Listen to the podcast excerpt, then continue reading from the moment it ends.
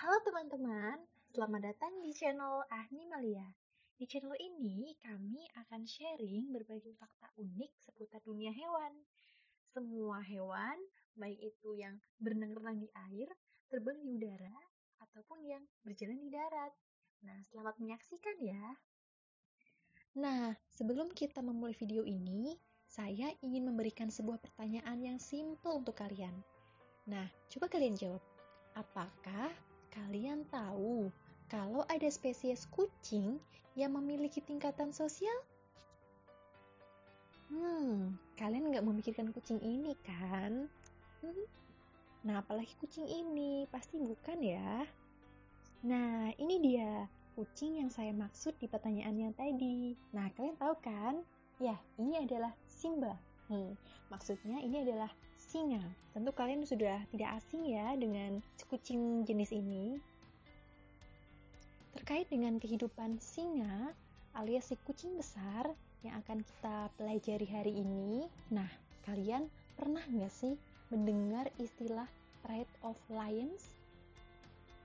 Nah, jadi Pride of Lions itu merupakan kelompok sosial pada singa atau nama spesiesnya itu Panthera leo yang di dalamnya terdiri dari beberapa jantan dan betina yang memiliki tugasnya masing-masing. Nah, di dalam Pride of Lions inilah terdapat tingkatan sosial. Nah, tadi itu pengertian dari Pride of Lions. Gimana? Ada yang masih bingung untuk membayangkannya? Oke, jadi mari kita bahas lebih detail ya. Seperti inilah contoh struktur dari sebuah pride. Jadi, di dalam sebuah pride terdiri dari beberapa singa jantan dan singa betina. Jumlahnya juga berbeda-beda untuk tiap pride. Pada umumnya, jumlah singa jantan tidak lebih dari empat ekor, dengan jumlah betina yang tidak terbatas. Nah, bisa 10, bisa belasan, seperti itu. Tetapi, total singa di dalam sebuah pride paling banyak yang saat ini pernah ditemukan oleh ilmuwan itu berjumlah 30 ekor. Jadi bisa kalian bayangkan ya, ada 30 ekor singa bergerombol seperti apa? Seperti mau ikut jalan sehat. Dari susunan pride tersebut, semua anggota di dalam pride juga memiliki perannya masing-masing. Jadi sama kayak kita. Nah, Peran masing-masing anggota di dalam pride ini tergantung dari jenis kelaminnya. Baik singa jantan dan singa betina, itu mereka sudah tahu tugas masing-masing. Nah, jadi mereka sudah di briefing sejak dini sehingga tidak perlu lagi ada komando dari si ketua pride.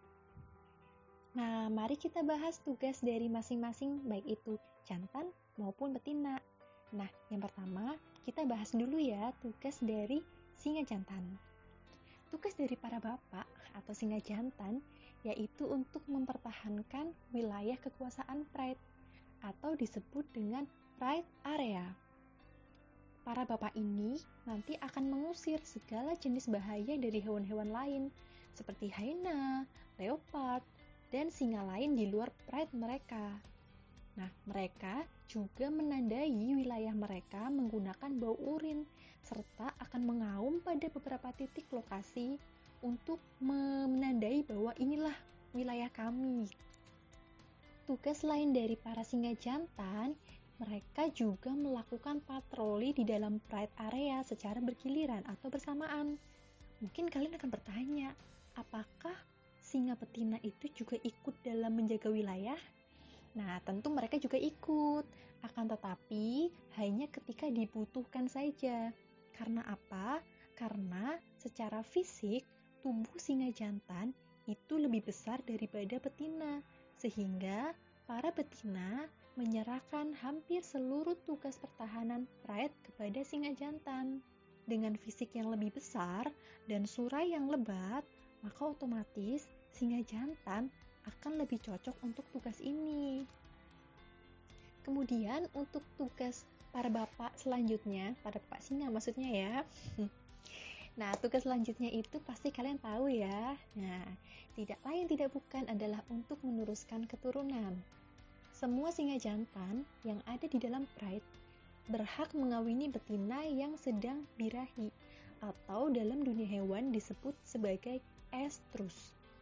Dengan adanya hal ini, maka singa jantan dari luar pride itu tidak diperbolehkan mengawini betina yang berada di dalam pride yang sedang masa estrus itu.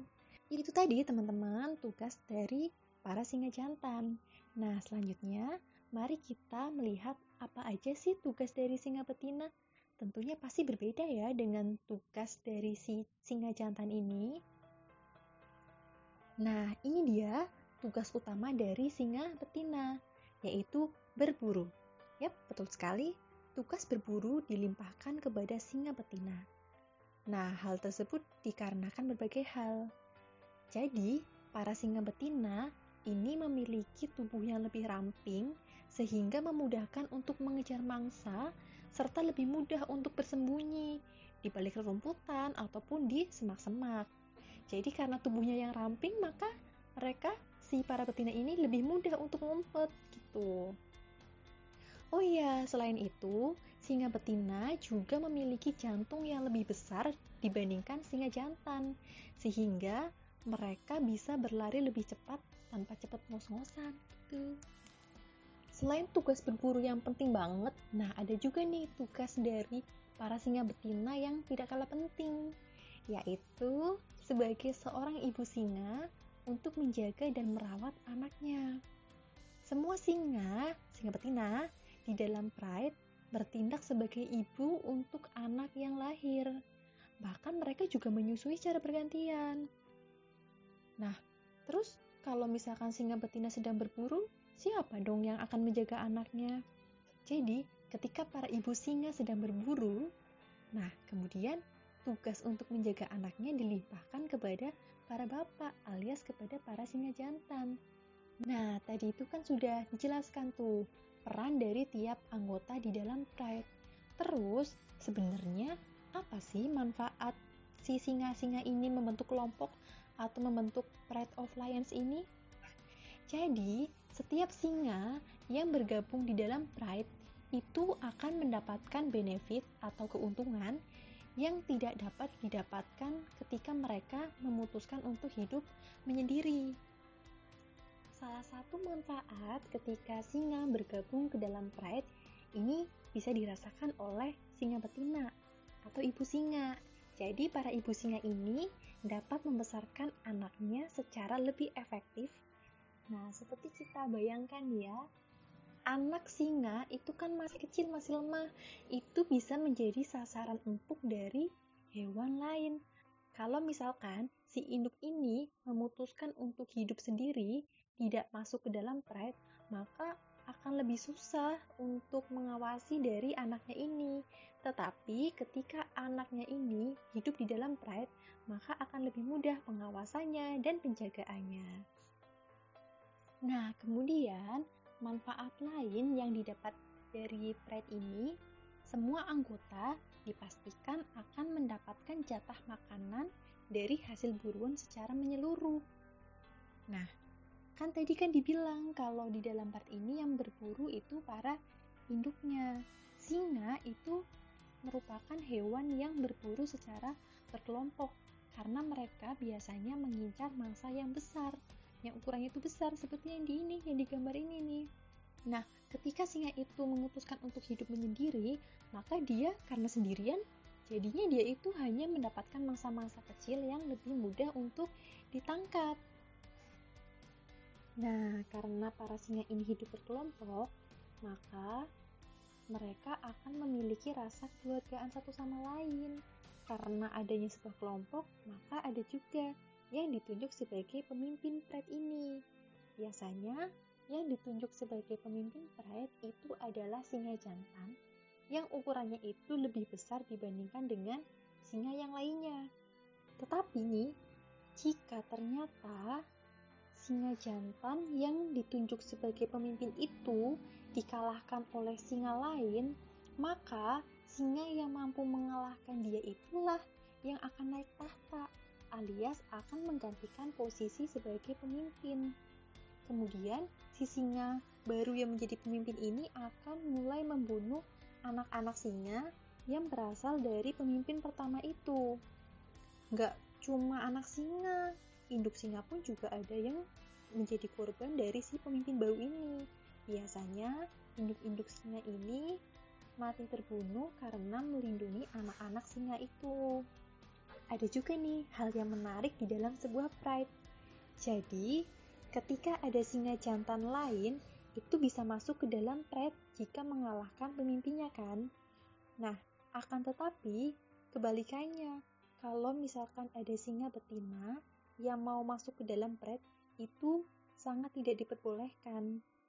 Karena inilah pride of lion ini biasanya disebut menganut sistem matriarki. Karena walaupun memiliki pemimpin seekor singa jantan, tetapi puncak kekuasaan atau pemimpin sesungguhnya itu ada sama singa betina.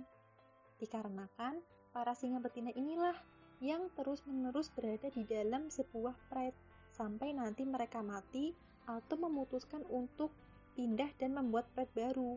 Walaupun hal ini tuh jarang banget terjadi. Kita akan membahas tentang peraturan-peraturan di dalam pride. Peraturan pertama nih, tidak selamanya anak singa akan mendapatkan rasa aman dan nyaman dari sebuah pride. Maksimal mereka akan mendapatkannya itu adalah hanya sekitar 2 tahun dan kemudian mereka akan pergi meninggalkan pride-nya itu dan memulai hidup menyendiri selama beberapa tahun. Nah, tapi hal ini tidak berlaku bagi singa betina. Singa-singa betina ini akan tetap berada di dalam pride sampai kapan pun itu dari kecil sampai dewasa sampai mati itu biasanya berada di dalam pet yang sama. Nah, induk singa ini juga termasuk pemilih. Dalam kata lain, mereka akan meninggalkan anak singa yang terlihat lemah dan sering terserang penyakit. Ya, jadi bagaimanapun hukum rimba ini tetap berlaku untuk hewan ini. Aturan berikutnya adalah pada umumnya singa betina yang berburu akan memiliki bagian makanan paling besar dan mereka itu memiliki otoritas untuk memakan daging buruan pertama kali sebelum para singa jantan. Nah, hal ini tentu diutamakan karena singa betina ini kan yang nantinya akan berburu sehingga mereka membutuhkan energi yang lebih besar untuk berburu makanan selanjutnya sebenarnya tidak cukup sampai di sini aja sih teman-teman. Masih ada satu lagi organisasi yang ada pada kehidupan singa ini. Jadi, organisasi lain itu akan saya jelaskan di video selanjutnya ya. Oke, jangan lupa nantikan informasi unik tentang dunia hewan dari kami yang pastinya akan menambah pengetahuan seru kalian. Sebelum berpamitan, saya ada bonus nih untuk kalian. Nah, ini singa paling serem sedunia. Oke, sekian dulu video dari saya. Jika kalian menyukainya, silahkan share ke teman-teman kalian ya. Oke, see you on the next video. Bye!